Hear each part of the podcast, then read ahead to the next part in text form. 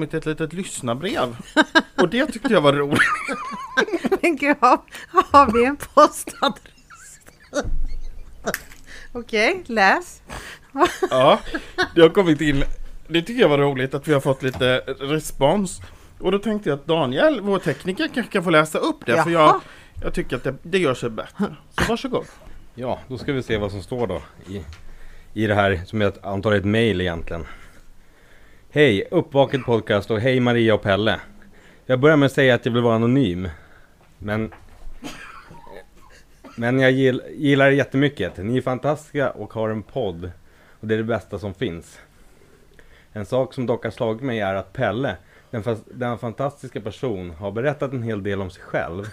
Men Maria har inte sagt, sagt så mycket. Nu vill jag bara veta mer om dig Maria.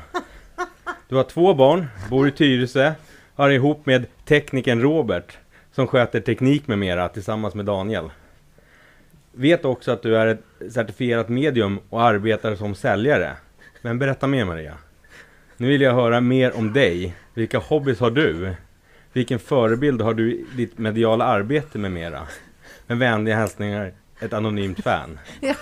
Jaha, PS. Pelle är en underbar människa. Sa jag det? gud, vad fint, vad roligt. Det är lite spännande att det är anonymt. Jättespännande! Jag tycker det är jätteroligt att få Oj. den här responsen ändå. Ja! Är det någon som är lite förtjust i mig som inte vågar säga sitt namn? Det kan vara så. Ja, så jag har någon fan där ute som vill veta. Ja, det stämmer bra att jag har två barn. Om jag har några andra hobbys? Ja, jag dansar lite line dance och eh, tycker det här mediala är jätteroligt. Så jag provar på lite olika genrer inom området. Så att jag, jag har inte fastnat ännu. Och det är också det som är en del av den här podden. Att man vill ju höra så mycket mer om andras val och andras uppvaknande. För att om någon annans uppvaknande eller väg känns roligare än den jag har valt, då kan man absolut eh, ta rygg på den stigen. Ja, verkligen. Så känner jag. Eh, vart vill jag komma med det här nu då? Är det här mitt sätt att försöka introducera dagens gäst? Ja, men det var väl en bra... Absolut, gör det.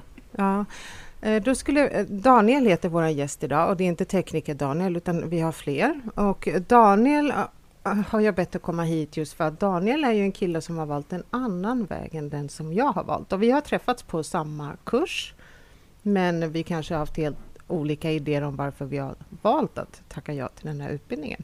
Så jag låter Daniel presentera sig själv. Tada! Oj, tack. Ja. Kärt barn har många namn eller vad man säger. Eh, jag ser att det står Daniel Sand på ditt papper där. Mm. Eh, eh, jag vet inte, vem är det? Eh, det kanske är en del av hela den här uppvaknande resan. I alla fall har det varit för mig, det för mig. Vem är jag och vad har jag gjort med den jag är? Och varför, vad fan är jag här för? Ja, det var ju en fråga vi ville Det är det ställa till dig. på Exakt. Så, så liksom, eh, det är väl det som har varit någon form av eh, röd tråd för mig. Och eh, famlat i mörkret, livet har gått upp och ner och sen så har man hittat verktyg längs vägen.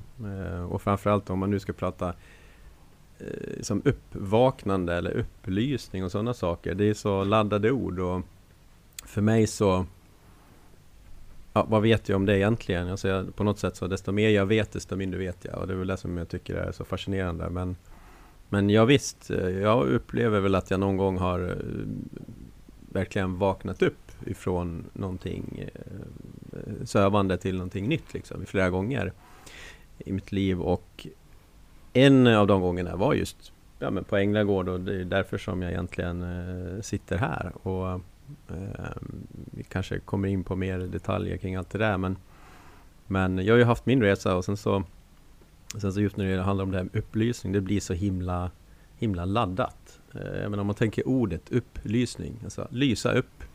Jag tänker man lyser upp sitt, eller ja, ego eller vad man ska säga, alltså skala löken. Alltså vad, vem, vem är jag?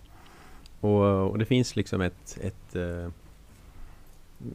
för, för mig har det funnits ett sökande. Liksom, vem, vem är jag? Liksom? Och då har jag liksom fått... Eh, ja, livet har tagit mig på vissa resor. Sen så har jag aktivt sökt också. Ganska intensivt under sju, åtta år. Ehm, så ja, det är väl spontant vad jag tänker. Men under de här sju, åtta åren, då har du aktivt liksom sökt upplysning. Alltså, Ja, alltså eh, man ska på något sätt börja från början. Jag, jag tror faktiskt att eh, eh det var väldigt mycket sådär eh, kärleken som eh, förde mig in på det här. Jag, eh, när, man, när jag träffade eh, min första kärlek. Det var livsförändrande för mig. Jag, så- nu är jag ju som i retro vad heter det? Jag, när jag har liksom fått, försökt att få ett perspektiv på det. Så, eh, så liksom, det var väl där jag på något sätt fick kontakt med mig själv första gången. Och sen så har jag hela tiden så här, men så man projicerar det här på någon annan eh, människa. Läser man har haft relationer och man har sökt, eh, sökt liksom eh, försöka hitta sig själv och bli hel genom andra människor. I alla fall har det varit så för mig. Eh, och eh, Sen så, så eh, kan man väl säga att det, det var också en, en fantastisk upplevelse men också hemsk för den, eh, den, eh, den slutade liksom i, i o- olycka liksom. Mm. Eh, och sen så kan man säga att man har fumlat i, i mörkret eh, många år. Men sen om vi pratar mer om det som man kanske tänker som andligt och sådana, så att andligt uppvaknande så, så även om jag upplevde att jag öppnade upp och liksom Eh, på något sätt kände av, mm, kände av mig själv första gången där och då när jag var typ 17 år, 16-17 år. Så, så var det väl eh, 2006, jag kommer fortfarande ihåg det. Jag var på en, eh, en, en annan kursgård, Eneboga. Och de drog igång ett mantra. Och det här mantrat skulle jag liksom, de sa innan så här, nu ska vi spela Dalai Lama liksom, och så ska vi lyssna på det. Jag tänkte inget mer på det, men gick på toan. Och sen så stod jag där på toan och sen så började de med det där. Man hörde ju det liksom i, kom i, i högtalarna liksom, eh, om det här klassiska Om började så ljuda och för mig har sånt där varit väldigt flummigt. Jag har liksom inte alls trott eller varit i någon sån värld förut. Jag är liksom i grund och botten är jag eh, ingenjör och ekonom och officer eh, så att jag liksom inte alls eh, halkade in på det där med min dåvarande partner. Men eh, där och då så bara kände jag att eh, jag ska in. Jag ska in dit. Eh, gick in, satt mig ner eh, och satt där i fyra timmar helt stilla och bara grät och grät och grät och grät. Eh, de var så snälla så de lät det här mantrat gå på och på och på. Jag kom ut därifrån och, blev så här mött av väldigt så här ambivalenta signaler. För vissa ville nästan sitta i knä på mig, alltså det var en skön energi. Vissa gick och la sig. Vissa vågade inte titta mig i ögonen. Eh, och de som höll i det, de eh, var inte direkt något stöd där och då de heller. Så att, eh, men, men mitt eget sökande börjar väl där. Och, och, och det är så lustigt det här vad man har för idéer. För att de sa att det var Dalai Lama och då blev jag ju helt så här, ja men jag rakade huvudet, jag gick i orangea kläder. Jag, jag vad heter det, satt i tre månader hemma och försökte återfå den här ja, du gick upplevelsen. all in där alltså. Ja men verkligen, och, och sen så efter ett tag så fick vi höra att nej men det var en studiomusiker från Holland som hade spelat in det där! så det hade ingenting med Dalai Lama att göra. Men varför grät du Daniel? Jag vet inte. Det var bara liksom en...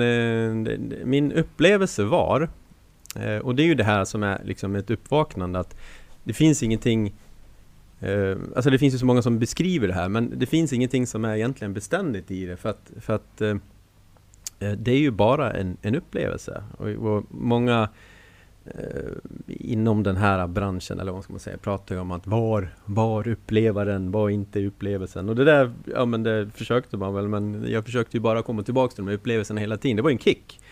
Liksom, och jag kände någonting. Men det som hände när jag satt där och då, det var ju bara att det kändes väldigt, väldigt fint, lugnt. Det, det, det snurrade ovanför huvudet på mig. Och, och tårarna bara kom. Det var liksom, bara hände. Så att jag, jag vet inte vad som hände. Men, eh, men, men jag förstod ju efteråt att det var någon form av uppvaknande. Och sen, sen så har jag haft några till eh, steg eh, för mig som jag också kan beskriva om, om, om vi kommer in på det. Men, men det är ju det där, det är ju bara din egen upplevelse. Så hur vet man hur vet man vad det är egentligen? Men varför behöver man då sen gå och raka skallen? Ja, eh, ja vad heter det? Eh, alltså det, det, det var nog någon form av längtan eh, att bli munk eller någonting utan Mm. att bli munk. Eh, och och ehm, ehm, ja, men alltså det, det, på ett sätt så var det nog en självförnekelse. Alltså, eh, och, och, och är det som också har varit min upplevelse. Vi pratade ju om det här med vad heter du från början? Eller vad heter du?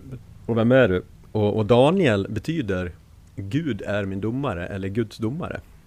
Mhm. Ehm, och jag har själv haft en, en jätte, jätte, jätte negativ inre dialog. Eh, och slagit liksom på mig själv. Jag har inte liksom... ehm, ja men det, det är verkligen den utmaningen som jag har haft eh, och fått jobba med. Eh, och, och liksom...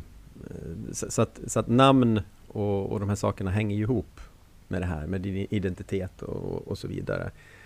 Och, och det är väl egentligen därför som jag vågar sitta här nu, därför att bara för bara att få komma till det som hände på Det har hänt saker däremellan men när jag väl kom till, till Änglagård så blev jag påmind om det här. Jag, jag har valt en annan väg i livet och faktiskt eh, dövt ner det här eh, på olika sätt och stängt av.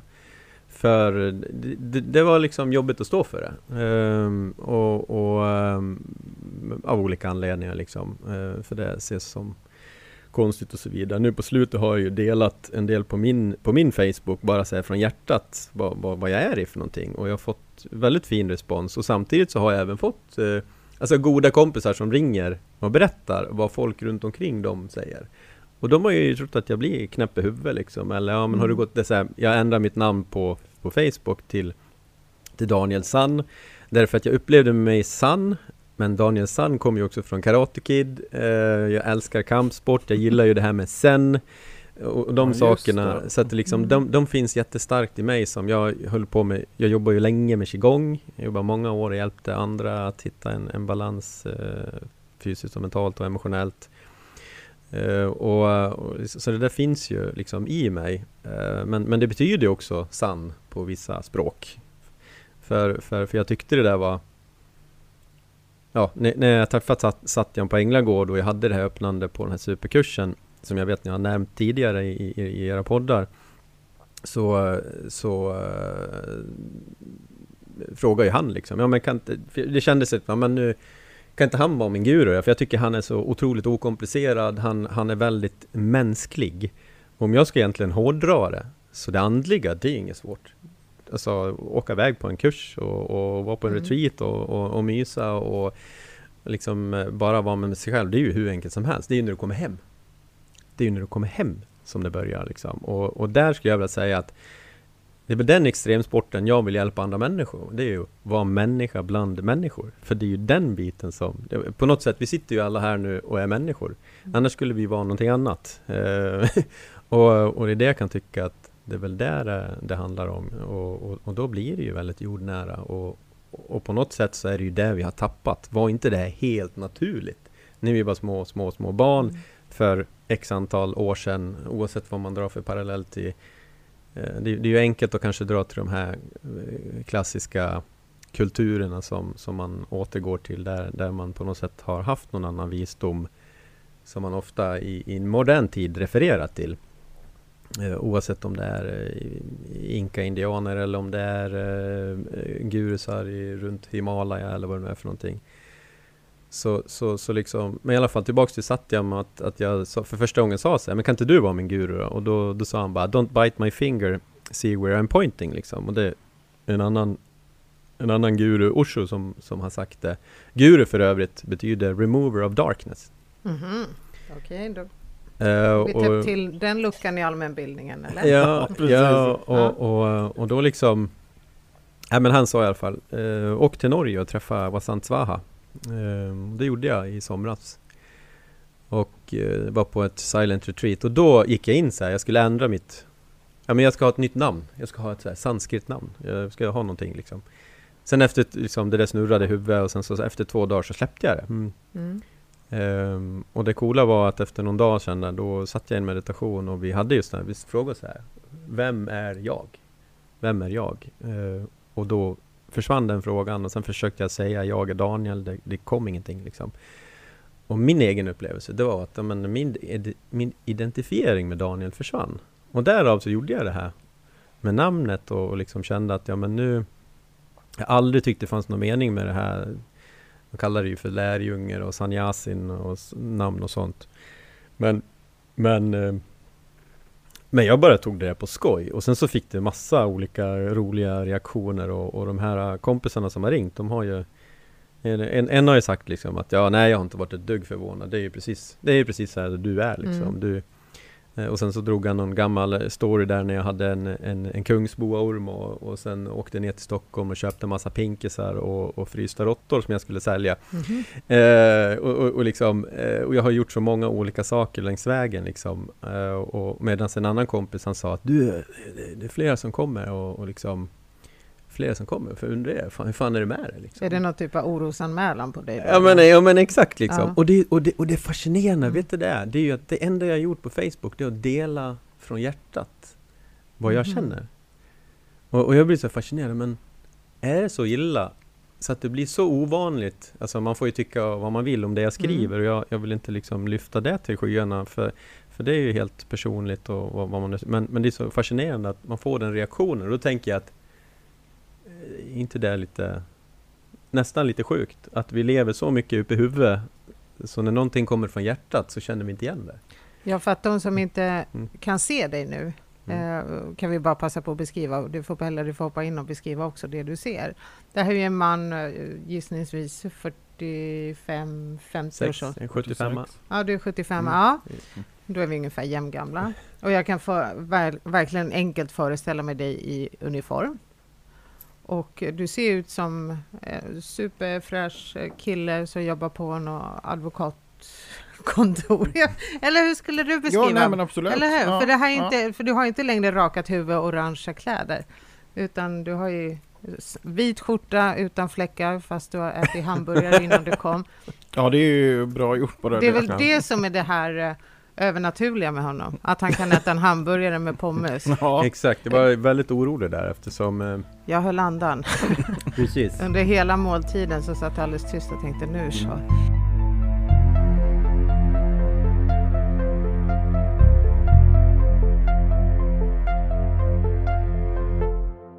Eh, Men den här, du nämnde att du åkte på någon tyst retreat. mm. Vad är meningen med att åka iväg någonstans, betala massa pengar bara för att sitta helt tyst? Ja. Jag gjorde det en gång för jätte, jätte länge sedan. Det är så mycket som man konfronteras med. Jag, om, det knastrar i, i micken här så är det för att jag äter en, en, en god chokladboll. Det är ingen chokladboll, det är healingbollar. Ja, sorry, sorry. Delicato. healingbollar, fram precis. till förra avsnittet. Ja, exakt. Men, men åter till tystnaden liksom så.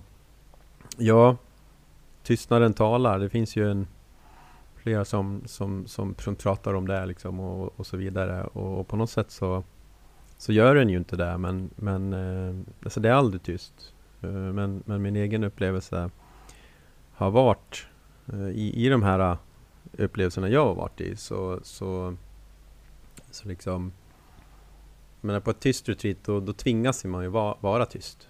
Eh, och, och då går det liksom inte att göra annat än att se på sig själv. Och för min egen del har det varit allt ifrån att man eh, upptäcker att eh, oj, jag åt upp ett, åt upp ett äpple. Mm. Mm, Men jag märkte inte att jag åt upp det. Mm. Att man är stressad eller vad det är för någonting. Liksom. Och, eh, så det är så mycket som man konfronteras med eh, kring allt, tycker jag. Och för min egen del så har det väl varit också att jag vill Eh, längre tillbaka så var det ju en, en otrolig kaos i huvudet.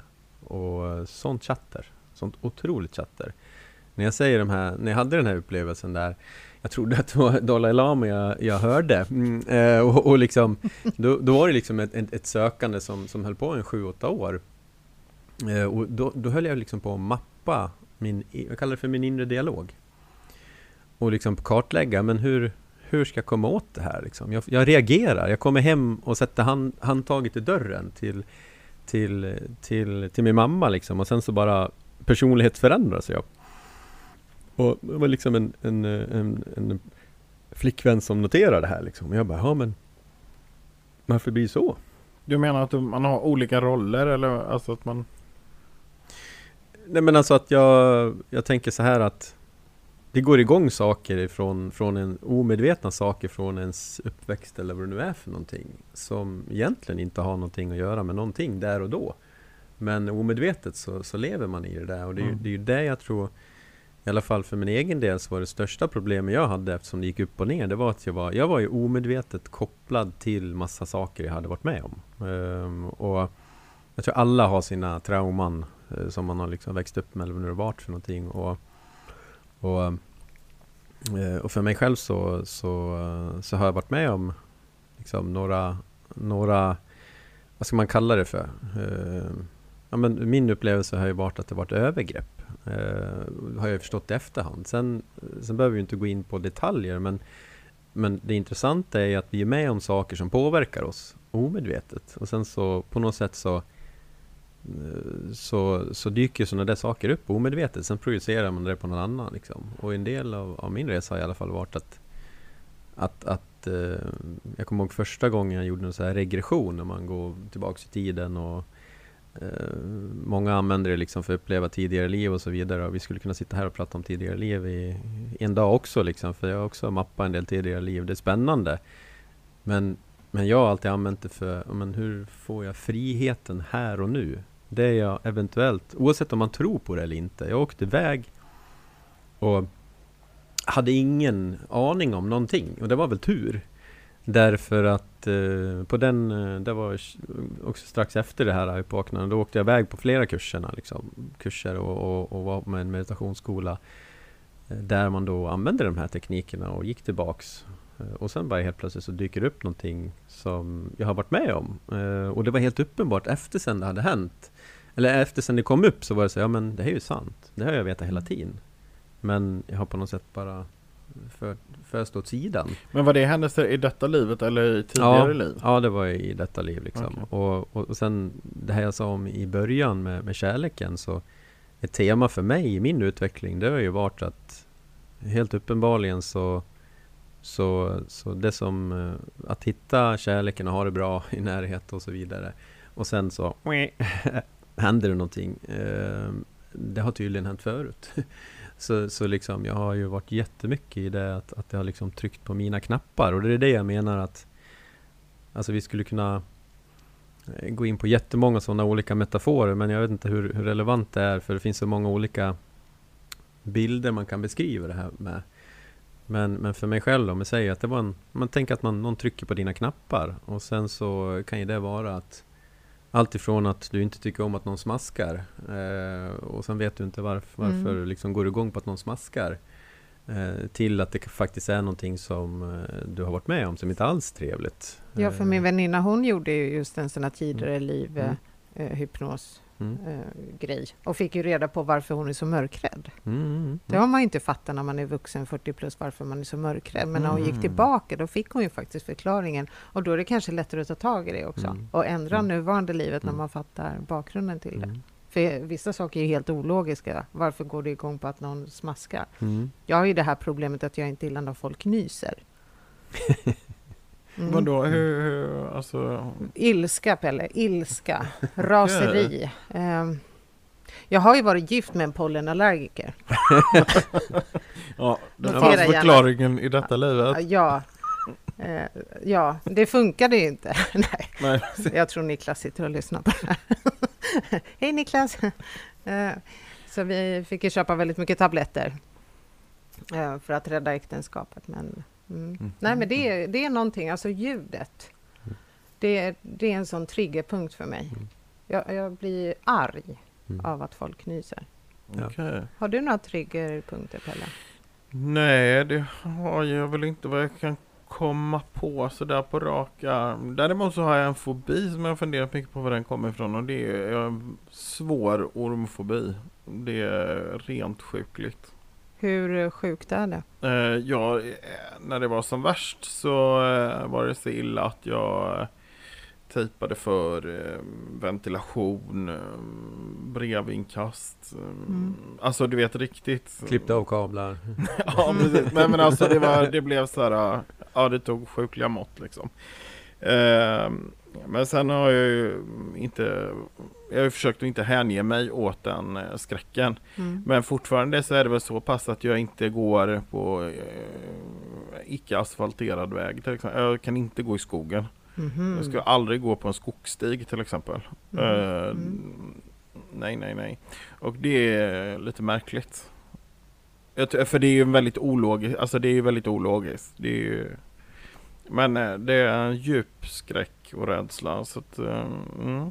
Vad tror du Daniel? Vad- Ja, jag vet inte alls var det kommer ifrån. Däremot så är jag övertygad om att det går att göra någonting åt det. Och just det där att eh, den, den erfarenheten som jag fick av de områden jag var i inom att liksom hitta och försöka utveckla mig. Det var ju att man gärna ville prata om det här.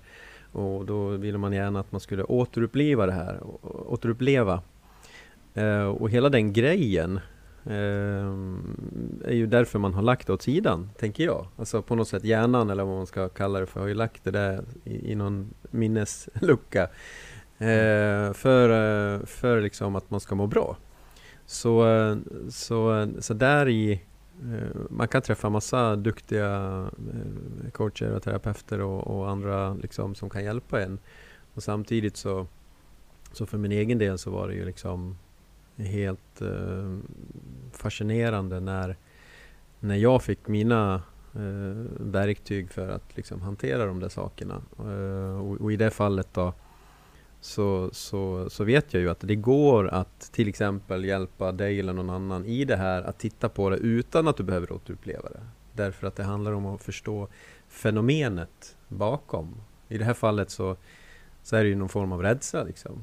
Och då, och då kan ju det vara olika saker. Men en sak är ju att man förmodligen omedvetet är kopplat till någonting. ja, eh, och om, om, om man då guidar dig fel så kommer de ju guida dig rakt in i den känslan och så blir det bara värre. Eh, men om man guidar dig på rätt sätt eh, och, och det här är ju livsfarligt att säga att det finns rätt och fel. Men, men, men det finns sätt att göra på så att, så att man inte behöver konfronteras av alltså, KBT är ju någonting som är stort nu, kognitiv beteendeterapi. Då ska man ju hela tiden successivt eh, öva på att utsätta sig för de här sakerna. Det funkar för många. Men för mig, eh, jag, jag har ju haft eh, en, ja han kallar sig själv för en av Sveriges bästa coacher. Jag behöver inte nämna hans namn. Men, Ödmjukt men, men, alla men, det var, men det var ödmjukt. Och och han, han sa ju till slut att jag var, jag var inte coachable. Eh, och, och, och, Det är någonting att vara lite stolt över. ja. Till och med Sveriges bästa coach bara droppar Ja. micken. Ja, ja eh, precis. Man kan ju diskutera mycket kring det. Men hur som helst så, och jag menar, jag tyckte det var jobbigt då. Men sen så när jag väl träffade på ett sammanhang där de faktiskt förstod med fenomenen bakom. Eh, och, och det är jag, jag är certifierad kommunikolog. Jag läste kommunikologi. Kommunikologi är läran om det som är gemensamt i förändring och utveckling. De hade en sån här tes om eh, Jorun och Truls eh, Sjöbacken och Fleiner med ett, eh, Precis som eh, Satyam, eh, Frank Haugen, eh, de är också norr, norrbaggar.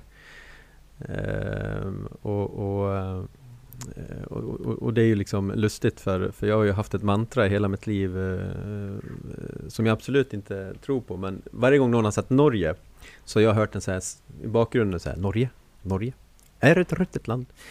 Ehm, och, och, och, och, och jag hoppas alla norrbaggar och, och, och Tack för våra nya lyssnarsiffror i Norge. Ja, ja precis, precis, att ni kan förlåta mig för, för, för ehm, på tal om det här med att man har en, en omedveten koppling till någonting.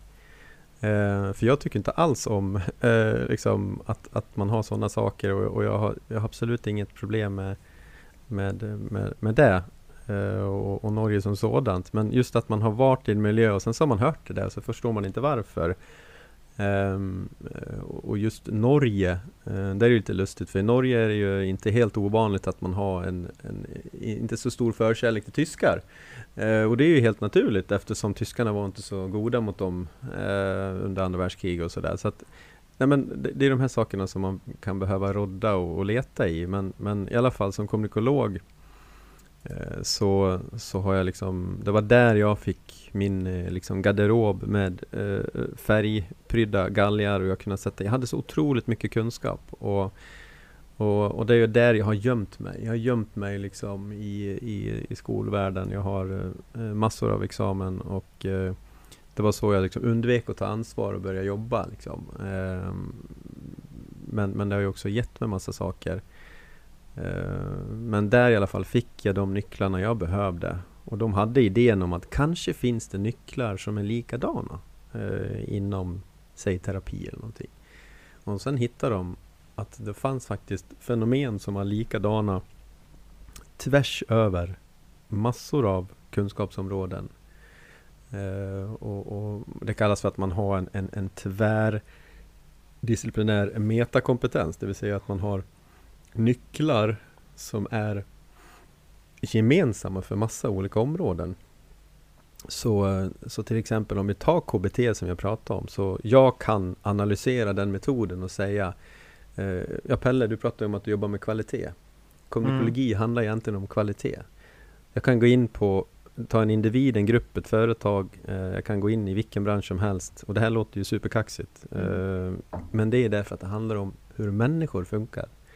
Och att se vad är det som är liksom det gemensamma? Vad är det som är mönstret? Eh, fikonordet är isomorfi, samma form, grekiska. Eh, eh, och, och liksom att, att man kan faktiskt eh, se eh, vad är det för fenomen som ligger bakom det? Om vi ska ta den här ormfobin så förmodligen så, så, så är det ju liksom, det är ett minne som ligger till någonting negativt. Eh, då kan man eh, behöva du är förmodligen associerad i någonting negativt. Eh, och då behöver man dissociera den saken. Så associerad, dissocierad är en av nycklarna man har hittat. Eh, ja just det, att man separerar sig från Det betyder koppla ifrån, ja precis. Ja. Eh, så så där, därav så, så liksom istället för att man säger så här, ja men du Pelle nu ska du gå till, till någon som håller på med NLP, Neurolinguistic programmering. Uh, och han är jättebra på att bota fobier. Och det kan han vara och han kan hjälpa dig. Och du kan få hjälp liksom. Medan det är ju mer intressant att veta vad är det, tycker jag då, vad är fenomenet och hur kan du hjälpa dig själv? Därför att det kanske dyker upp någon annanstans ja, uh, i ditt liv eller på ditt jobb eller vad det nu är för någonting. Alltså att för, för just associera, dissociera, det är så tydligt. Uh, om ni tänker alla de här ticsen och, och grejerna som sport, alltså eh, Stefan Holm ska hoppa höjd. Mm. Liksom då han ja. eh, slår sig på kinderna och gör massa eh, konstiga saker liksom. Det gör han ju för att associera sig i ett tillstånd. Eh, och få tillgång till resurser för att kunna göra det här. Och, och där vi började idag med uppvaknande och upplysning, alltså uppvaknande, det är ju ett tillstånd av någonting liksom, mm. som du är. Liksom. Och, och eh, jag tror det många eh, letar och söker efter för att jag menar, varför vill du bli fri från det här med ormarna till exempel? Vad, vad är det du vill uppnå? Nej, men det är väl det att kunna gå, eh, gå ut i skogen eller kunna gå på en promenad med hunden utan att ja. känna att man är eh, enda fokuset handlar om ja. att liksom oj vad går jag nu? Oj det låg en gren. Var det en orm? Mm. Eh, oj nu prasslar det i busken. Oj. Så vad tror du att du skulle hamna i för tillstånd om du slapp det där med ormarna? Mm. Nej men det är klart att då skulle man ju bli mer harmonisk ja. när man är ute och går. Ja. Och man skulle kunna få mer upplevelser ja. och ja, mm. så vidare. Precis, och det är, det är egentligen det jag tänker att, att det handlar om och, och, och varför söker man någonting? Eh, om vi generaliserar hela det här med sökning och sånt. Jo men det är väl för att komma i ett skönt tillstånd. Um, och, um, och, och, åter till det jag sa förut om den här inre dialogen och det att det, liksom, det var otroligt chatter i min skalle. Jag vet inte, är det någon av er som har upplevt något chatter någon gång? Hela tiden. Jag tror att eh, popcorn gärna här borta. Hur är det hos dig Pelle? Låter Nej, det något? där är det alltid tyst. ja. Nej då. Nej, men inte... inte um, ja, jo, men det kan det väl göra om man har mycket, um, alltså mycket att ta itu med eller man har många projekt på gång mm. eller vad det nu kan vara. Det är klart att då mm. tänker man och funderar mycket och sådär. Att det, uh, ja, lite oordning. Men, skulle du kunna tänka dig att åka till någon, eh, något ställe och bara sitta tyst? Hur länge satt du tyst förresten Daniel, så att vi får lite perspektiv på tiden? I Norge var det väl eh, jag satt faktiskt tyst förra, förra helgen också, i fyra dagar. Men, eh, men i Norge så, så var det ju var bara sex dagar. Jag skulle väldigt vilja, gärna vilja testa det faktiskt. Det gick en fantastisk dokumentär på, på TV som Eh, en regissör som heter Maud Nykander. Hon har gjort flera intressanta dokumentärer. Men eh, som heter Nunnan. Handlar om en ung tjej som efter gymnasiet går in i Karmeliterorden. Eh, och så får hon efter fem år eh, träffa henne igen och intervjua henne och så. Och då pratar de just om det här med tystnad, för de lever ju i tystnad. Eh, och eh, hur liksom, ja men precis som du var inne på det här med att, att man eh, blir tvingad på något sätt att brottas med sig själv, att, att äh, möta sitt inre. Att, äh, och prata bland annat om det att när hon var ute i, i klosterträdgården där och kunde se en blomma, liksom att det var en stor grej för henne. Medan för andra människor kanske det är att resa iväg, det är upplevelser, man jagar grejer eller ja men du vet. Men äh, ja, att den inre världen blir så stor och så viktig.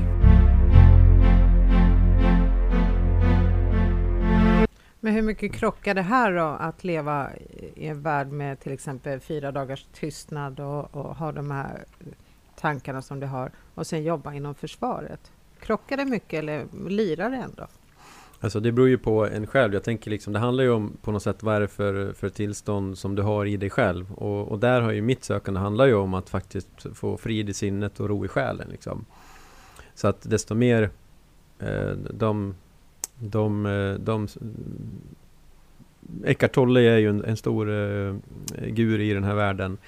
Och, och, och han menar ju på att Eh, när vet du att du har liksom nått framåt? Ja, men prova att åka hem och prata med mamma och pappa eller din, din fru eller man eller vad det nu är för någonting. Och så märker du ju hur länge du kan hålla dig emotionell balans. Eller kanske inte att, eller hur, hur, att du kanske till och med kan känna eh, det som känns. Men du är lugn. Du kan vara arg fast du har inte på att agera ut eller skriker och gapar. Utan du känner dig arg men du, du bara liksom är i det.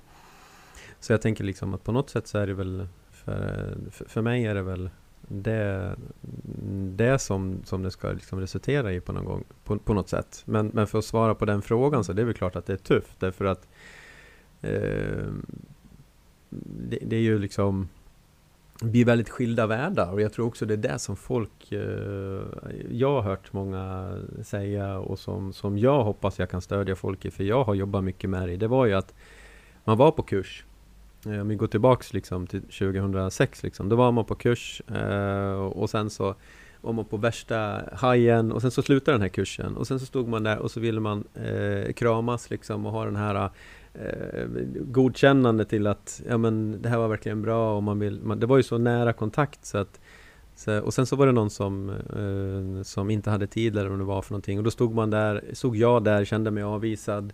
Fick jag jobba med den känslan Eh, men man kunde fortfarande vara man kvar i en hyggligt hög energi. Och sen så tog det inte mer än att man kom till första Statoil och köpte en polypåse, tryckte i sig, eh, försökte låta det här mantra gå på radion. eh, du menar den här Dalai Lama-imitatören? Ja, ja, ja, men, ja, men exakt. Och jag tror att eh, jag tror faktiskt att det är där skon klämmer, att man, ja men var människa bland människa, hur, hur gör jag liksom? Ja, du, du Gå alla kurser du behöver, träffa alla gurus, läs alla böcker. Det, det, det står jag för. Uh, sen behöver ju du göra det som är din väg liksom. Ehm, uh, med, medan, uh, medan liksom, för jag tänker som vissa, jag pratar en del om, om, om det mediala, jag ser några eh, kort som ligger här på bordet. Och vissa har ju den ingången Eh, och prata om andlig utveckling och, och det liksom är andar och de sakerna. Och ja, jag, jag skulle säga att jag är medial och jag har, jag har kontakt och så vidare. Fast jag ser inte mig som, som ett medium och, och liksom kan säkert utveckla det mer. Men, men, men på något sätt så har det ju varit att när min egen inre frid har kommit och balansen har kommit. Ja men här, det här magiska som många pratar om när det gäller andlig utveckling. Det finns ingen magi. För magin är att det finns ingen magi. magin är att det finns ingen magi. Och, och, och, och liksom att det är så, det är bara så självklart och jag tror att det, så, det finns så många nivåer av det, men min egen upplevelse har varit, alltså jag har som suttit på Änglagård och skratta nu på slutet där därför att jag har massa upplevelser som man har haft och, och man kan prata om, om eh, eh liksom änglar och guider och och, och, allt vad det nu är för någonting. Och, och det där kan ju låta totalt utspejsat för många. Och eh, det är en värld som inte jag har varit i så mycket. Uh, och jag också, alltså som du sa, jag men, kommer från en väldigt fyrkantig bakgrund. Och har tyckt det varit väldigt, väldigt flummigt. Eh, och samtidigt så är det någonting som har dragit i mig där och det är nog mest för att jag har velat mått bra. För att jag liksom, när det var kaos i huvudet och, och mitt liv gick upp och ner och liksom inte varit sjukskriven så och, och, verkligen låg så men, men, eh, men jag vet att Uh, vi diskuterade tidigare Pelle om vad man hade jobbat om och jag, en, en tid jobbade jag med folk som var utförsäkrade, väldigt, väldigt mm. sjuka människor och mm. hjälpte dem tillbaka till arbetsmarknaden. Och jag blev sjuk själv. Liksom. Mm. Det, det, var 2010 liksom. Det där tycker jag är så intressant, jag måste bara få säga, mm. för jag känner ju igen det så väl mm. efter eh, mina år inom psykiatrin. Att eh, man blir energimässigt påverkad av att vara i en miljö där människor mår så dåligt. Eh, alltså allt för länge. Jag blev det i alla fall. Och när jag började min eh, liksom andliga resa och personliga utveckling och så. Då kände jag också att det här är inte hållbart. Jag, jag klarar inte av det. Att vara på den frekvensen liksom. Mm. Ja, det var bara en liten ja, reflektion. En, annan, exakt. en annan sak som jag reflekterar över, det är när du beskriver Daniel, när man har varit på en utbildning och sen vill man ju hålla kvar den där goda känslan, den där höga energin. Men det är ju samma sak om man skulle gå en säljkurs. Eller, om, mm. eller lära mig spela gitarr eller gå en eh, improvisationskurs. Mm. Då är man ju så taggad när man går därifrån och tänker det här ska jag implementera i min vardag. Men sen blir det platsen. Ja, sen glömmer man det. Sen glöm, ja, exakt. Det ja. räcker med att du bara kommer till kontoret, öppnar datorn och läser alla mejl och inser att ah, det här innovativa, visionären i mig, jag lägger den lite åt sidan. Men där kommer jo. väl det också in med det här som vi pratade om när man liksom, ja du hade andra kläder och raka huvudet och detta. Mm. Det blir ju också lätt så för att man vill hålla kvar det där men man äh, vet inte riktigt hur man ska implementera det eller hur det ska bli en del av mig. Fast det där ja. är jag ju jätteduktig på. Jag var ju på Europe-konsert för ett par år sedan. Mm. Lite motvilligt. Eh, jag skulle gå med en kompis, för de hade gjort slut, skitsamma, ja. en biljett kvar och jag sa ja. Men jag blev så inspirerad redan efter första låten. Så då kom jag hem och sa att jag ska bli trummis. Alltså förstår ni? Alltså, jag, jag, jag har såna trumpinnar hemma. Men har, ja, jag går ju all in liksom. Mm -hmm. så, Vi är väldigt lika där tror jag, för att eh, jag, jag eh, eh var i en separation här i våras och eh, det jag gjorde då var att jag köpte en elbas, en elgitarr och ett eltrumset. Mm, och sen så satte jag upp en, en, ett staffli för att börja måla liksom. Och det var väldigt mycket mm. som du säger, men gå all in. Och, och det har varit min min, min grej liksom. När jag, när jag började flugfiska så då började jag inte bara fiska liksom, utan jag började binda flugor och sen så jag, alltså de trodde väl att jag var där och snattade varenda dag för jag mm. hängde på den där eh, De tyckte att jag var konstig för jag var på flugfiskeaffären varenda dag liksom. Jag tyckte bara, ha han här igen. Eh, men jag, jag har alltid varit så, jag går all in och liksom, jag är väldigt passionerad i det, det jag gör liksom. Och, och det är ju, jag tror att det där är en, en, en väldig gåva att, att våga vara det också. För, för, för det kan lätt slå över till det jag upplever du nämner Pelle, att det blir ett UFO och, och, i den här perioden längre tillbaks när jag då hade raka håret så i Borlänge då, där kommer man ju hem på juldagen och så, så festar man ju med gamla polarna. Eh, och jag dyker upp i vita kläder, eh, rakad skalle. Eh, och sen på festen så frågar de liksom så här, måste en kompis kompis, vad, vad vill du ha för grogg? Har ni grönt te? liksom. och, och, Han kör. och, och, liksom, och då hade jag väl varit verkligen så här partynissen ja. i centrum. Um, och då blir, då blir man ju ett UFO. Um, och och uh, så att det, det där är liksom svårt att, att liksom på något sätt det finns inget mer natur, alltså hela grejen med, med andligheten är ju jättekonstig för uh, Eller kan bli väldigt separat om man säger så. Att, att uh, för, för, för eh, är det mest naturliga är väl att det hänger ihop, eller? Jag vet inte. Ja, absolut. Ja. ja. Men jag tänker att det måste ju bottna i en också, alltså... Mm. Jag tänker på att, att liksom, ja. Vi var inne på lite och pratade om innan det här med att andlig utveckling och personlig utveckling hänger så tätt samman. Och att eh, man kan ju jag menar till exempel om man börjar med den här andliga världen, man kan ju gå på mässa och köpa massa attiraljer och grejer och Och, men, men det är inte det det handlar om. Det måste bottna och för att det ska bottna så måste du ha nått en viss grad av personlig utveckling. Ja, för det kan ju inte vara så att den som har flest kristaller i handväskan vinner. Är liksom mest medial eller Mm. har skönaste... Alltså, Nej precis, Det men det kan ju vara lite, det kanske kan vara lite skönt att Mm. ha, visa, ha 100 kristaller och visa upp för då slipper man att att göra jobbet liksom på Mm. insidan. Men du kommer ju ingenstans. Det blir ju bara ett yttre... du menar alla som börjar träna eller banta när man börjar köpa burkar för att göra perfekta matlådor i och eh, yogamattor och nya träningsväskor. Och, men sen hinner man ju inte till gymmet för man är ute och ränner i butikerna för att handla prylar. Ja exakt, Mm. lite så. Mm. Jag sitter och småler för det är så lustigt för jag har aldrig eh, liksom eh, fångats av det här med kristaller förrän, eh, förrän jag kom till Änglagård och eh, eh, numera har jag väl typ 200 kilo kristaller herregud. hemma. Eh, Oj! och- På tal om att gå all in. Du får avlägga visit tror jag. Jag gillar kristaller.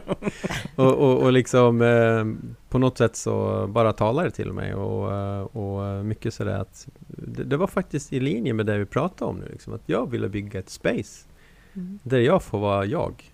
Eh, och, och jag tror att till till syvende och sist så, så för mig handlar det om det att ja, men det är väl att jag ska få följa mitt hjärta och gå min väg eh, och så vidare. Eh, och eh, eh, Ja, i alla fall så, så, så, så liksom upplever jag att nu när jag har börjat ta de stegen tydligare och känner att ja, men det, nu, nu, går, nu kan jag inte förneka det här längre. Eh, och, och mycket därför så vill jag vara med också här för att för mig blir det på något sätt, ja men nu, nu är det ute där liksom. Jag har skrivit om det, nu har jag pratat om det. Eh, och och eh, vi får se vad det leder. Men, men, men för mig så, så är det verkligen det att ja, men nu, nu vågar jag äntligen på något sätt eh, vara Daniel i det här. Och, och jag hoppas att det kan inspirera andra och, och krypa ur skinnet och, och så vidare. Eh, för, för det är faktiskt en del som har, som har spontant börjat hört av sig, någon gammal bekant och någon, någon liksom bara på enklaste sätt på Facebook och Messenger och så vidare. Så jag tycker ju att jag har fått eh, liksom respons på att ja, men det, det här verkar ju vara rätt. Nu, nu, nu hör folk vad jag säger liksom. och, och de verkar nyfikna. Så att jag, men det är väl häftigt för när man Mm. följer sitt hjärta och vågar följa sitt Mm. hjärta så faller bitarna på plats. ja men det har man ju hört. Ja, Man har ju hört det där och sen har man inte, jag inte vågat tro på det riktigt. Eh, men, eh, men det verkar så. Men nu Daniel Ja. är du verkligen i gott sällskap för att sen vi börjar sända den här podden, alltså du ska se meddelandena som vi får. Ja, Det, intresset är ju enormt. ja, mm. Och när man får också meddelanden från folk som man tänkte att nej, den där människan är inte intresserad av Mm. sånt här. mm. Det är jätteroligt att det är just de som har delat inläggen på, Mm. på Instagram och Ja. Facebook på att vi kommer ut med nya avsnitt. Så att det känns ju ännu starkare än de här självklara vännerna som man kanske har mött på någon kurs eller som man leker mediala lekar med. Det är Ja, inte lika precis. häftigt som när det är någon Nej. officer från svenska försvaret som sitter och delar inlägg om Ja, uppvaket. ja men du, Mm. du, du äh, anar inte att uh, som det, det, det jag också har haft precis en sån upplevelse. Den, en, en person som jag verkligen tänkte säga, men den där äh, jägare äh, skickar bara liksom bilder ut på sin, på sin hund oftast.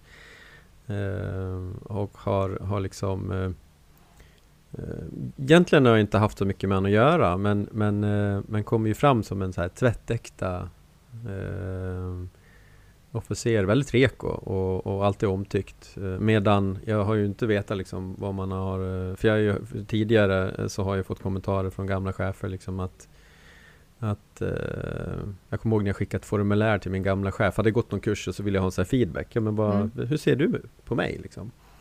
Eh, och, och fick tillbaks liksom att nej men nu, nu får du skärpa dig liksom. Eh, det, det, eh, behöver du rota i det där liksom. Men och, eh, och, och så har det inte varit nu Nej, liksom, utan nej. det har verkligen varit eh, några sådana här som wow. Mm. Och ehm, ja, det tycker jag är helt fantastiskt eh, att få det tillbaks.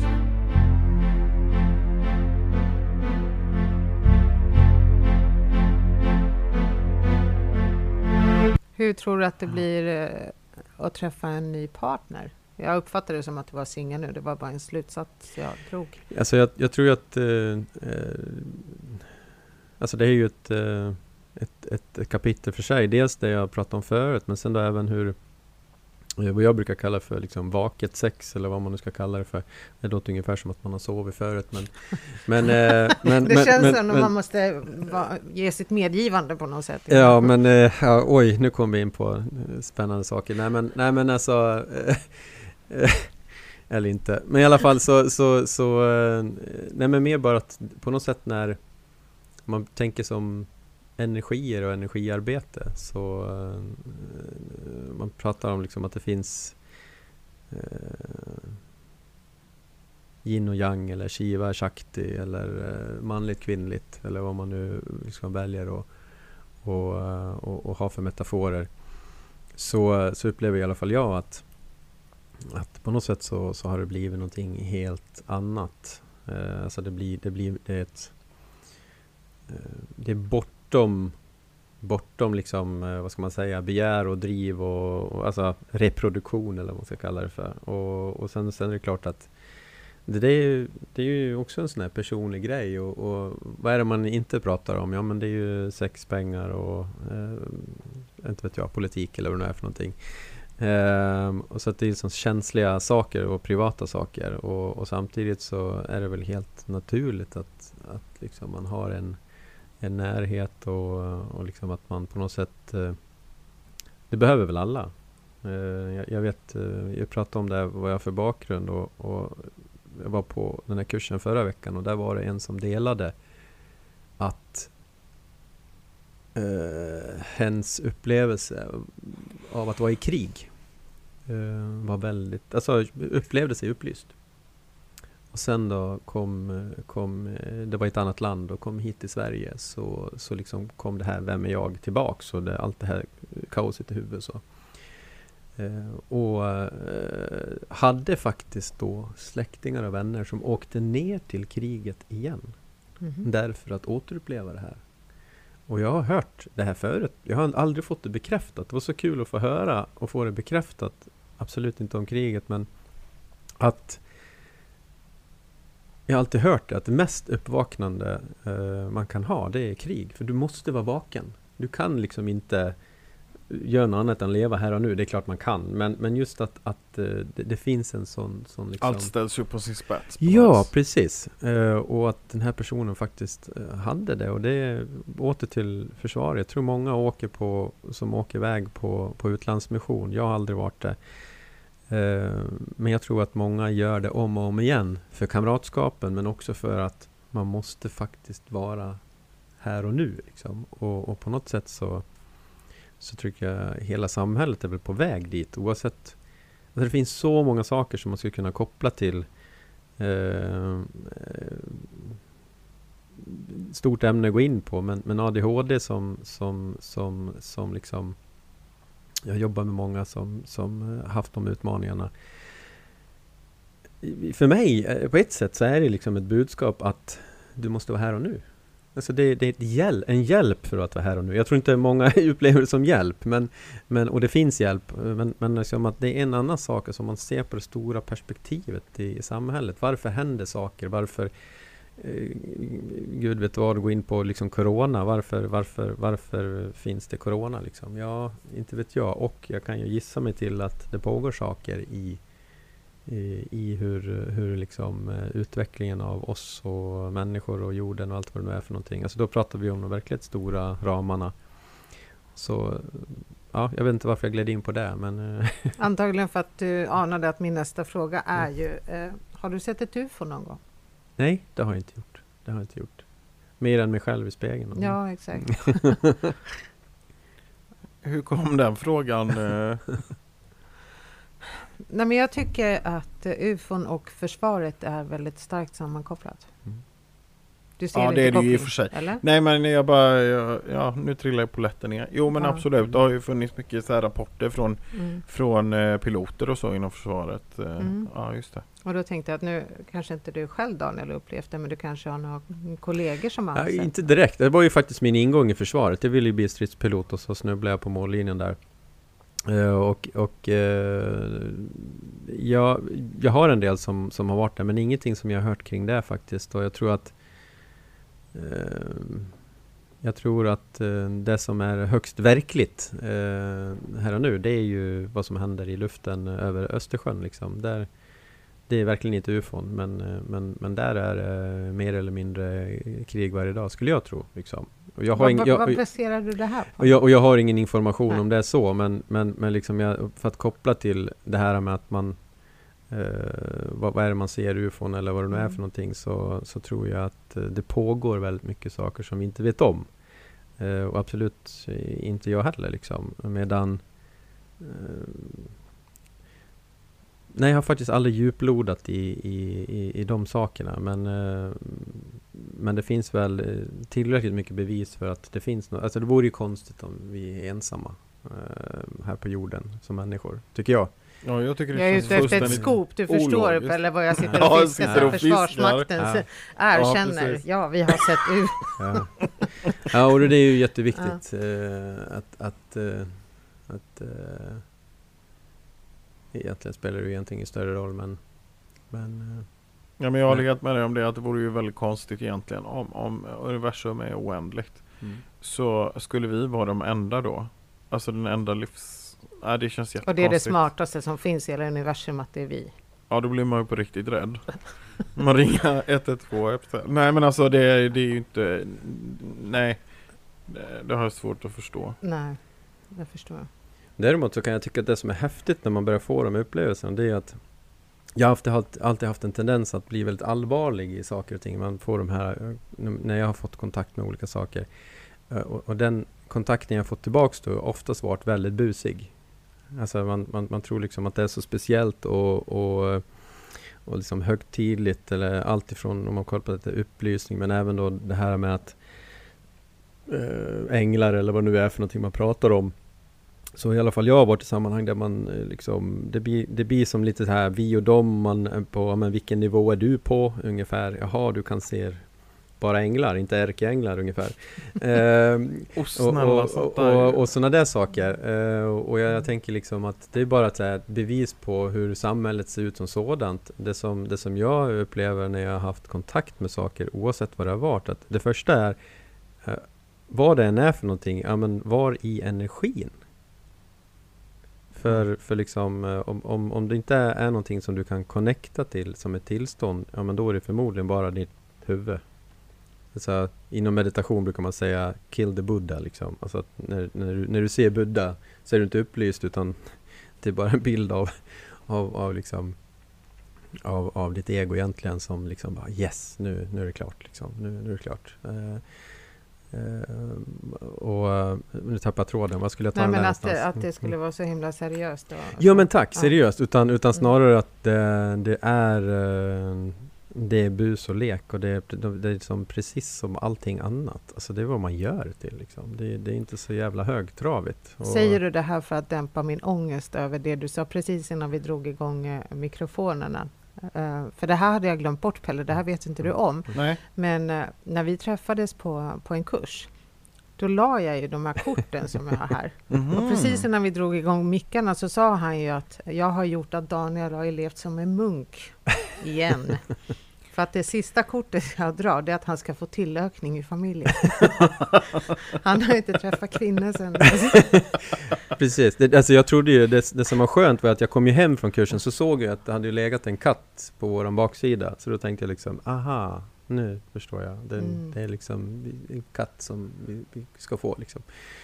Uh, nej men skämt åsido, det är så lätt att man ha, ha, hakar upp sig på de här sakerna och att det blir så stort av det och att det liksom är så speciellt. Och, och jag kan bara utgå från mig själv att de, de, de, som jag följde från början, jag hade ju dem på en piedestal och det blev ju otroligt jobbigt när de visade sig att vara människor. Eh, och då liksom följer hela min bild av, av vad det var. Och, och det har ju varit allt ifrån att jag faktiskt har haft eh, eh, ledare som, som har slagit näven i bordet och sagt det är jag som är andlig ledare här. Och, och, eh, och liksom, det är väl ett tydligt bevis på att eh, man inte riktigt är mogen för att axla den rollen. Och, eh, faktiskt inom kampsporten så så finns det olika nivåer såklart, massa bälten. Jag brukar använda dem där som metaforer ibland. Men jag var i ett sammanhang där eh, han till och med kallade sig för Shihan. Och Shihan betyder, andlig ledare. Eh, och det var helt självpåtaget. Han hade det på sin, eh, vad heter det, Bälte eller bil? bil. Precis, bil. Eh, så det är väldigt... Jag bara eh, kände, jag är medial. ja, precis. Jag bara kände det var vä- vä- så här, väldigt ödmjukt. Eh, och, och jag tänker liksom att, att eh, ja, det, det är liksom... Men där kommer man ju på någonting som också Mm. är väldigt alltså, farligt och det är ju eh, just sådana här människor som jag tycker faktiskt att man ska akta sig för. Som tar på sig en roll eller en eh, oftast väldigt karismatiska som, som eh, säger sig sitta på någon eh, absolut sanning eller för att då, då blir det ju de här sekttendenserna. Och det, alltså det är ju farligt. Men sekter är väl någonting som ligger dig varmt om hjärtat, Pelle? Ja det gör det. Jag är Ja. jätteintresserad just av de här mekanismerna som gör att människor Mm. hamnar i, i, i sekter och i sekteristiska miljöer. Och Mm. när man pratar om sekter så tänker man ofta att ja, men, eh, det är människor med låg självkänsla som, som eh, ja, det är någon religiös sekt eller sådär. Mm. Men sekteristiska tendenser kan ju finnas överallt. Det kan vara på en arbetsplats, det kan vara på en förening, det kan vara var som helst. Mm. Och jag önskar att, eh, att människor är mer, var mer uppmärksamma. För vem som helst tror jag kan hamna i, i ett sådant sammanhang.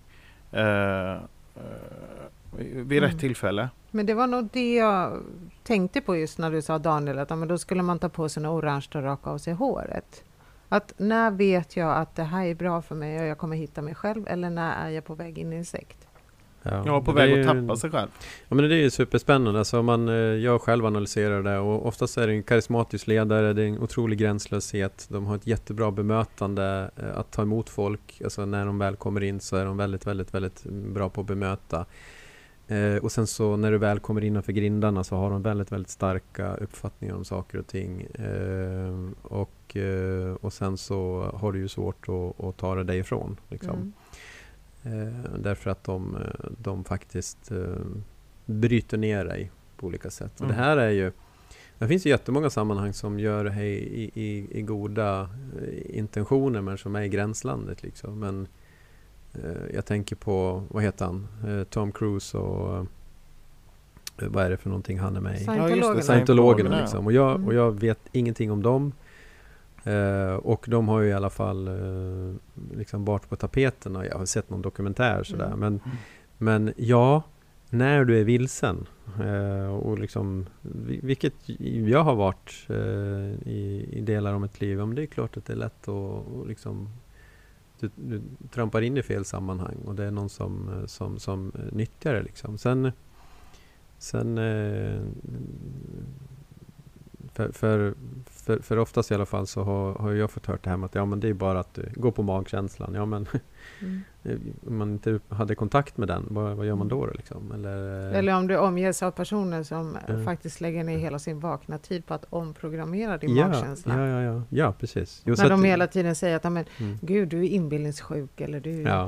eh, du tänker fel. Och, Jo men så, så Mm. kan det vara. Jag tror att eh, det, alla gånger så måste man eh, ha, ha lite man måste vara skeptisk också och det har jag varit Mm. jättemycket och, man, och, och liksom att eh, jag har varit väldigt mycket för både och. Jag brukar säga det här med första gången jag hörde eh, kommunikologin som ämne är väldigt överensstämmande med deras hur de ser på hur människan fungerar med systemisk hjärnforskning alla Matti Bergström. Det är en, en finsk forskare som dog för några år sedan. Och han pratar med, om några eh, metaforer kring att vara en, eh, en, eh, en understander. Det vill säga att du både tror och vet. Om du bara tror blir du en fundamentalist. Om du bara vet så blir du en, ja, jag kommer inte ihåg vad det heter, men besserwisser liksom.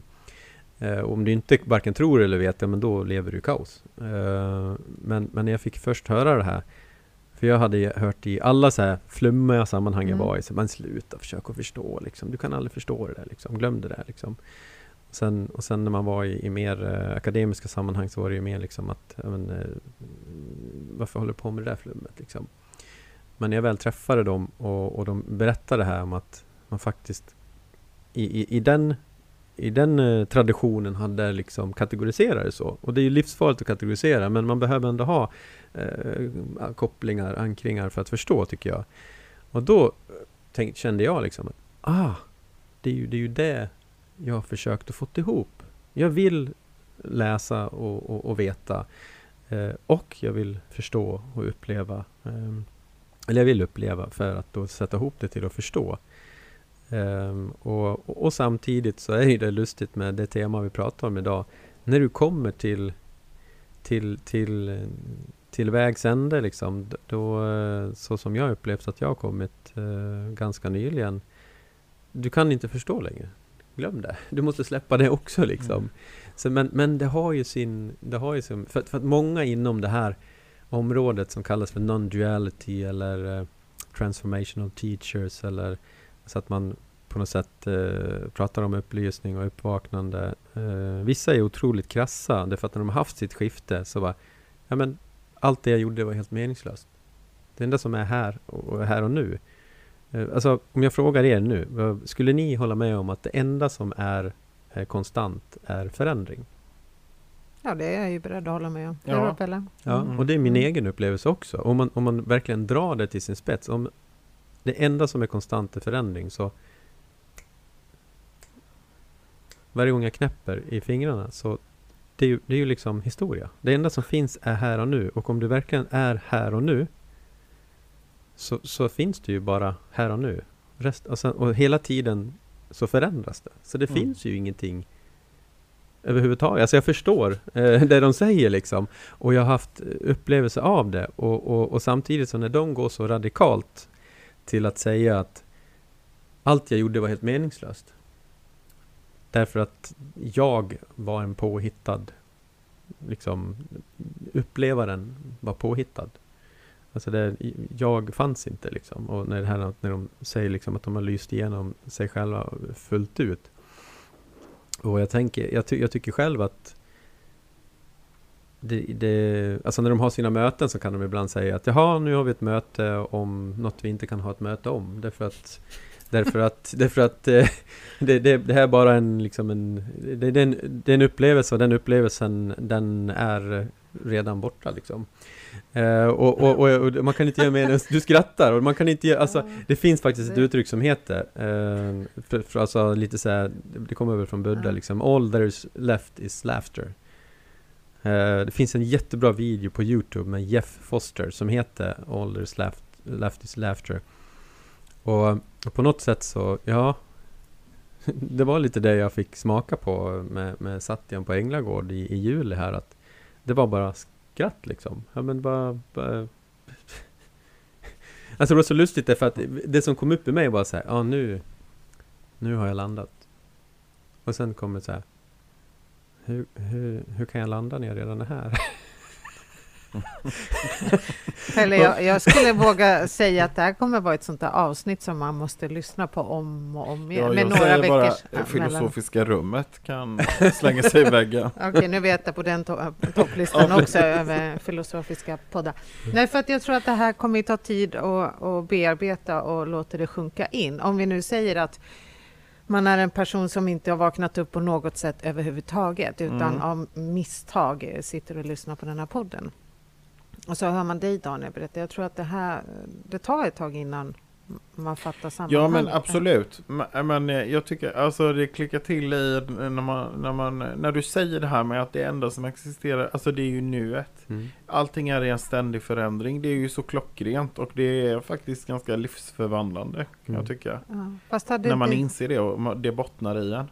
Ja, för att den diskussionen hamnar vi automatiskt i också om vi träffar en människa som har fått sitt bäst före-datum. Exakt. Ja. vi sitter exakt. med en person där en läkare har sagt att mm, ish, så här många år. Mm. Och den människan måste ju per automatik börja tänka så. Mm. Att det är bara nu som gäller, för att vi kan inte titta bakåt. Och det är ingen idé att titta framåt. För att vi vet ju inte, utan vi måste njuta av det som är här och nu. Ja. Och sen är ju verkligen det enda som är kvar efter det, det är ju skrattet. Mm. Jo men så är det. Och just ja, att man, man, man, kan ju liksom eh, rodda och rota i dåtid och fundera över framtid. Men, men det är ju ingenting du kan påverka. Eh, alltså här och nu. Det, det enda du kan påverka är här och nu. Liksom. Och, och på något sätt när det blir så här liksom radikalt som att du tänker att ja men jag hade länge en så här fråga, men eh, om jag vann 10 miljoner, vad skulle jag göra då? Om jag hade sex månader kvar att leva, vad skulle jag göra då? Om jag inte behövde jobba för, för att tjäna pengar, vad skulle jag göra då? Liksom? Och, och den där följde med mig länge. Och sen i kombination med det jag sa, jag tror vi sa i början, liksom, vem är jag, vad har jag gjort med den jag är och varför är jag här? Mm. Eh, och, och då på något sätt eh, ja, men sortera i det där. Eh, och, och, liksom på något sätt förnimma, som man säger i den andliga branschen, att, att eh, ja, men det verkar ju finnas någonting här. Jag vet inte riktigt vad det är för någonting, men, men det är, är någonting. Eh, och, och det är också det som blir så magiskt för de som, som inte liksom eh, kanske inte ens är intresserade. Alltså de som är intresserade tycker kanske det bara är, är knas. Medan de som börjar intressera för det, de, om de, i alla fall jag, eh, blev frustrerad över det här. Men var det, varför, varför känner inte jag liksom? Eh, och sen så börjar någon form av resa i att, att eh, som du sa, man behöver lära känna sig själv. Mm. Alltså kan man kalla för egot, skala löken liksom. Och skala, skala, skala och sen efter ett tag, i alla fall för mig, jag skalar, skalar, skalar löken men det är fortfarande lök. Ja. Så det enda som är kvar är att ha löket liksom. För en annan sak om Det är man ska... Göteborgshumor där. Ja. Ja, men om, om man tittar på den situationen och de samtalen jag ofta hamnar i, eftersom jag Mm. gör ju massa saker. Mm. Jag kan ju gå på improvisationsteater, jag, Mm. jag har stått på stand-up-scener Mm. och jag har gjort jätte, jättemånga saker. Mm. Och det var inte alls länge sedan, förra veckan faktiskt, som jag får frågan, vad är du flyr ifrån? Varför ser folk Mm. det här som en flykt? När jag själv tycker att jag är ute och upplever roliga saker. Och, för det sänker mig lite, märker jag, Ah. att eh, min energi blir ganska låg. För att det känns som en anklagelse till att jag inte är nöjd. Mm. När jag i själva verket gör saker som gör mig jätte, jättenöjd Mm. och ännu mer nyfiken på att oj, kan man, kan man starta en podd? Vad roligt, då gör vi det. Jo men jag menar att, att, att finna sig själv och att utforska sitt inre innebär ju inte att man ska sluta leva och sitta i ett mörkt rum i en stol, på en stol. Det vore väl förfärligt. Alltså man ska väl kunna göra väldigt mycket roliga saker och ge dig energi och, och du känner att du mår bra av det. Det är väl toppen. Men varför, eh, varför drar man slutsatsen att jag är på flykt, att jag flyr från någonting? Spontant känns det som projicering. Ja, och sen så Om jag att ska man... leka, leka terapeut. Ja, Nej men ja, alltså ja, ja. Mm. att eh, det kan också tror jag, eh, nu säger jag inte att det är så i det här fallet, men jag kan tänka mig att det kan väcka liksom avund också. Jaha, där går hon runt och har så jävla roligt. alltså, det, så där skulle jag också vilja ha det. Eller Ja. så där skulle, alltså, ja men förstår du? Ja. Ehm, så att jag menar, det där kan man väl bara släppa. För jag har så svårt att se mig själv, att jag går fram till någon person som har precis ställt sig på en stand-up-scen eller går på improvisationsteater eller lär sig dansa. Bara gå fram och bara tja, vad, vad är det du flyr ifrån? Va? Ja, det är jag är här och dansar tango. Knepigt. Ja. Nej men det är väl varje människa är på sin resa och, och ehm, ja, man behöver ju inte ta åt sig det tänker jag. Utan Lätt låta för dig att säga som är sådär mm, trygg i dig själv. Jag är så oerhört vis känner jag när jag hör mig själv. Nej, nej, nej men ja. Ja, men jag tror att det där är jätte... Förlåt. Nej. Det är jättemycket eh, att man sticker ut. Att man, man, man kliver utanför ramarna liksom. Det är inte okej. Eh, Då Nej. kommer krabbeffekten. Vet, eh, krabborna försöker krypa ur krypa ur, vad jag har hört i alla fall, krypa ur eh, hinken eller vad nu är de är fångade i.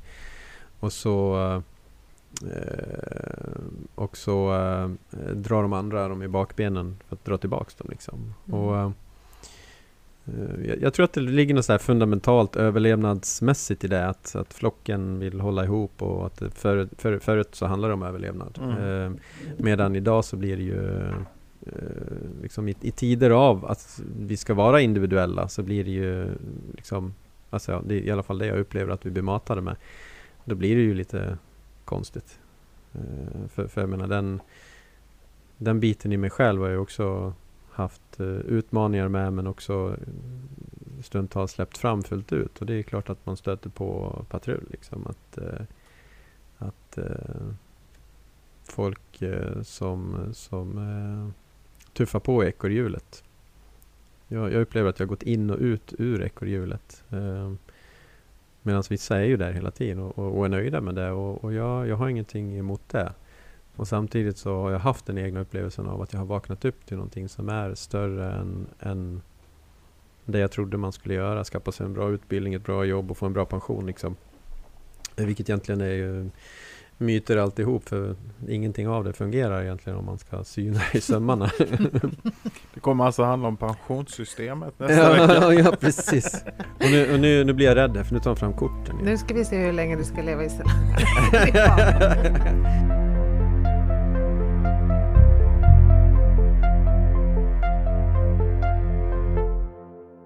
Vi brukar ju dra kort Mm. lite avslutningsvis.